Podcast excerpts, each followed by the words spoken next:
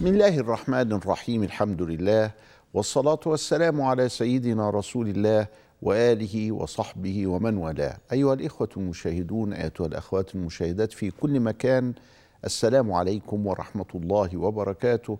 وأهلا ومرحبا بكم في حلقة جديدة من حلقات ديننا.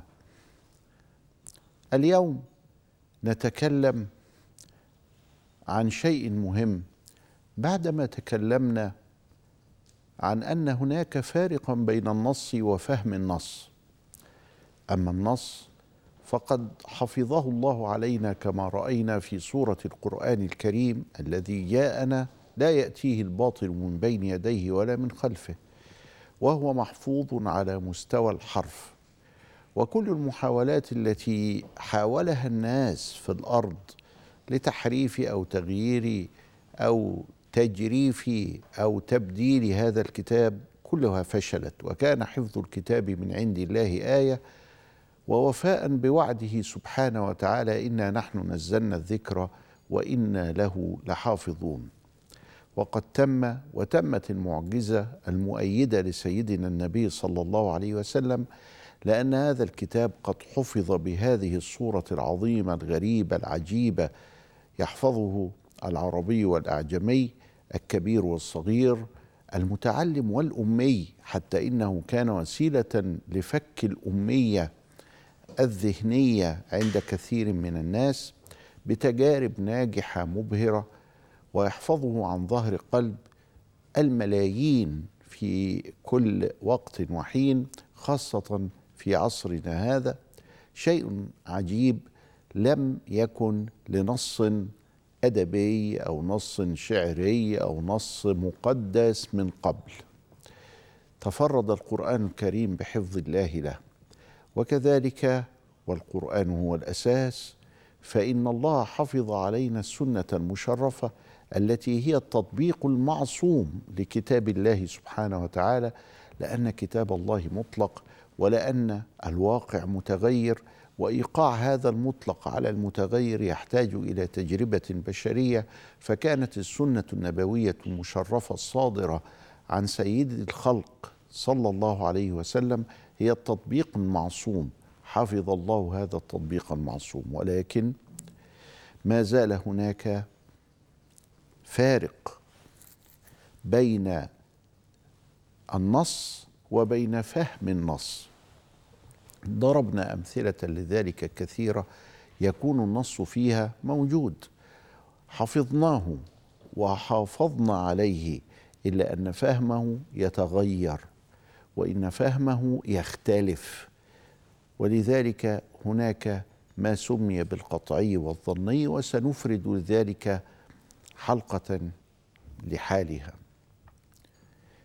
النص وفهم النص أحد الفوارق الكبيرة بين طريقة تفكيرنا وتلقينا لديننا ووسطيتنا ودعوة الناس أجمعين إلى دين الله سبحانه وتعالى وتطبيق هذا الدين في الحياة وبين أولئك الإرهابيين الذين ملأوا الأرض ضجيجا بجهل وقف وقفوا فيه عند فهمهم هم للنصوص. ورأينا أناسا ينكرون تلك النصوص اعتقادا منهم أن هذا الفهم الخائب وهذا الفهم ال ال الضعيف من أولئك الإرهابيين هو الصحيح. ولذلك رفضوا فهمهم ورفضوا النصوص أيضا. ومن هنا أتت أزمة كبيرة في هؤلاء الذين يتصدرون قبل أن يتعلموا ويتكلمون قبل أن يتفقهوا بأنهم أنكروا النصوص لإنكارهم الفهوم الخاطئة. في بعض هذه الأحيان إحنا قلنا إن الفهوم تتغير وإن الفهوم تختلف.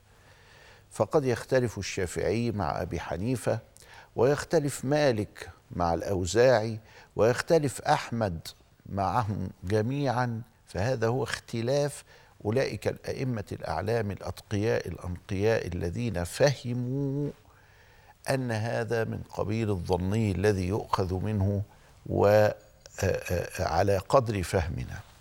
لدرجة أن الإمام في حد ذاته كان يختلف مع نفسه يعني كان يغير رأيه كلما أتت له أتى له فهم جديد ولكن بالضوابط والقواعد وليس هكذا سبهلله. ابدا لم يكن ابدا استهانة ولا استهتار بالنصوص الشرعية الشريفة. نرى الإمام أحمد رضي الله تعالى عنه وهو يحدث تسع آراء وعشر آراء في المسألة الواحدة. لماذا؟ لأنه كلما جاءه نص جديد فتح الله عليه بمعنى جديد للنص القديم. وكلما واجهته مشكلة في الحياة يريد أن يحقق مقاصد الشرع الشريف فيها فتح الله عليه بمعنى جديد على هذا الفهم الذي كان والذي غيره اليوم. الإمام الواحد في الرعاية الكبرى لابن حمدان يروي عن الإمام أحمد بن حنبل رضي الله تعالى عنه أكثر من ثمانية عشر قولا في مسألة واحدة. ويروي عنه الخمسة, الخمسة عشر والعشرة والتسعة في مسألة واحدة. ماذا يفعل المصلي مثلا؟ إذا أقيمت الصلاة وهو يصلي السنة فهناك قول إنه يتم صلاته. حتى لو فاتته تكبيرة الإحرام أو الركعة الأولى أو أي شيء كان. لقوله تعالى ولا تبطلوا أعمالكم. وهذا القول أخذ به هذا الفهم فعممه وجعل خروجك من الصلاة أو محاولتك اللحاق بالفرض وأن الفرض أعلى عند الله من النافلة وأنه ما تقرب إلي عبدي بأحب مما افترضته عليه فجعل كلمة ولا تبطلوا أعمالكم عامة شاملة كاملة ولذلك أنهي صلاتك بسكينة وطمأنينة ثم تدرك مع الإمام ما يمكن أن تدركه. وهناك قول آخر أنك تخرج من الصلاة لتلحق بالإمام. وهناك قول ثالث أنك تخرج إذا كنت قبل الركوع. وهناك قول رابع أنك تخرج إذا كان عليك أكثر من ركعة. يعني يعني آه، ركعة ونصف مثلا. أنت ركعت وقمت من الركوع فعليك أداءات هي أكثر من مساحة الركعة. وهناك قول يقول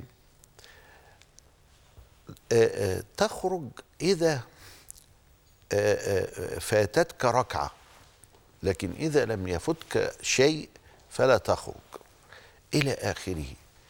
هذا الاختلاف الذي يكون بين العلماء وبين الناس إنما هو فهم للنصوص. وتطبيق للنصوص ومعرفة هذه النصوص من خلال قواعد. فالمسألة ليست بهذه السهولة التي آه، آه، يريد بعضهم أن يحمل الدين كله على رأي واحد. والله لم يرد هذا. الله أراد التوسعة على الأمة وأن يجعل اختلاف هذه الأمة رحمة لها لأن التنوع يعطي حرية في الرأي.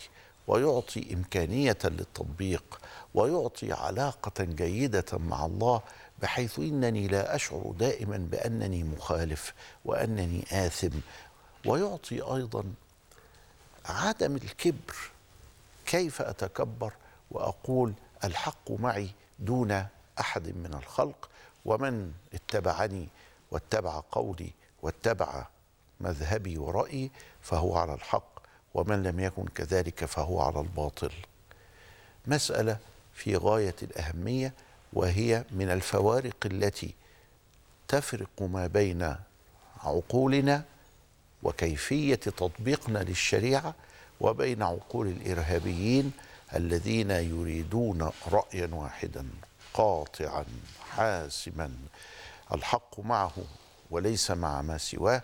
لا يعرف التعدد لا يعرف التنوع لا يعرف اختلاف التنوع ولذلك فهو يقطع برأيه وفهمه حتى لو كان خاطئا. اذا فهذا أنكر كثيرا من منهج الدين وأنكر كثيرا جدا من روح الدين. هذه الحالة التي نحاول أن نبينها